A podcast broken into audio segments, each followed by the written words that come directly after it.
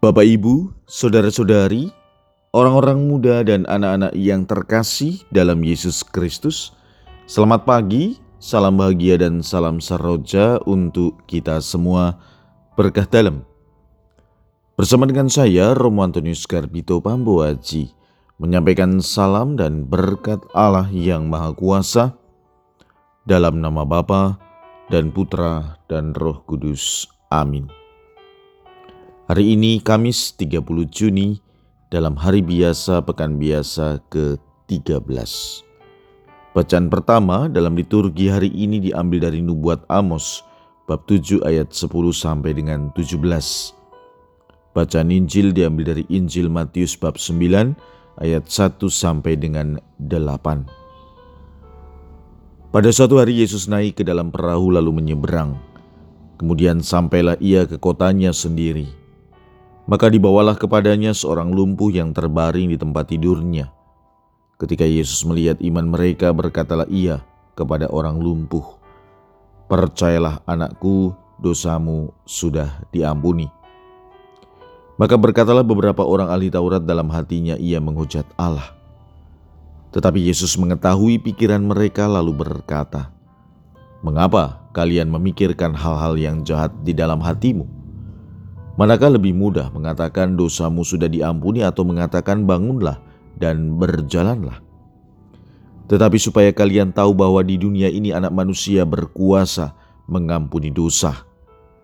Lalu berkatalah ia kepada orang lumpuh, Bangunlah, angkatlah tempat tidurmu, dan pulanglah ke rumahmu.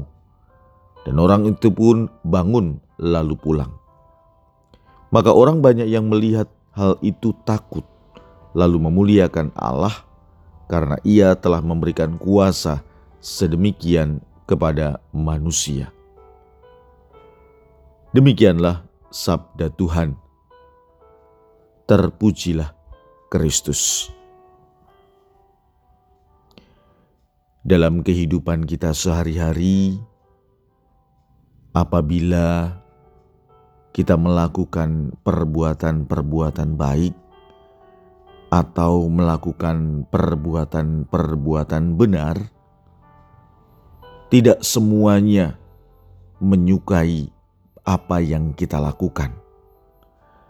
Seseorang yang tidak menyukai orang lain akan selalu berusaha menemukan kesalahan untuk menjatuhkan atau menyingkirkan orang itu yang dianggap menjadi ancaman bagi kenyamanan dirinya.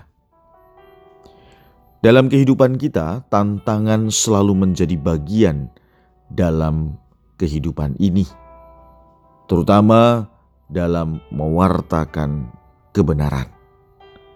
Dan Yesus mengalaminya dalam Injil hari ini, bagaimana ia tidak diterima oleh ahli-ahli Taurat Tindakan kasihnya menyembuhkan orang lumpuh pun dipertanyakan oleh mereka yang takut kehilangan simpati rakyat. Ditolak, tantangan, ancaman, penderitaan tidak jauh dari kehidupan Yesus dan para pengikutnya. Yesus telah membuktikan sendiri tetapi ia mengajarkan kepada kita bahwa apa yang dihadapi dalam kehidupan ini tidak boleh melemahkan iman kita sedikit pun. Derita dalam pewartaan tidak boleh menghambat kita melakukan kebaikan dan mengusahakan keadilan serta membela kebenaran. Keteguhan iman menjadi syarat mutlak bagi kita yang mengambil keputusan untuk menjadi pengikut Kristus. Keberhasilan mengatasi tantangan akan semakin mendewasakan iman dan diri kita.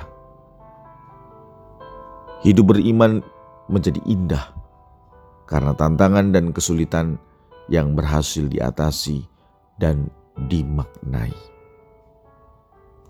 Marilah kita berdoa. Ya Tuhan, semoga dalam kehidupan ini kami senantiasa dapat menangkap bahwa ada tantangan, ada hambatan dalam kehidupan ini yang semakin mendewasakan iman kami. Berkat Allah yang Maha Kuasa, dalam nama Bapa dan Putra dan Roh Kudus. Amin.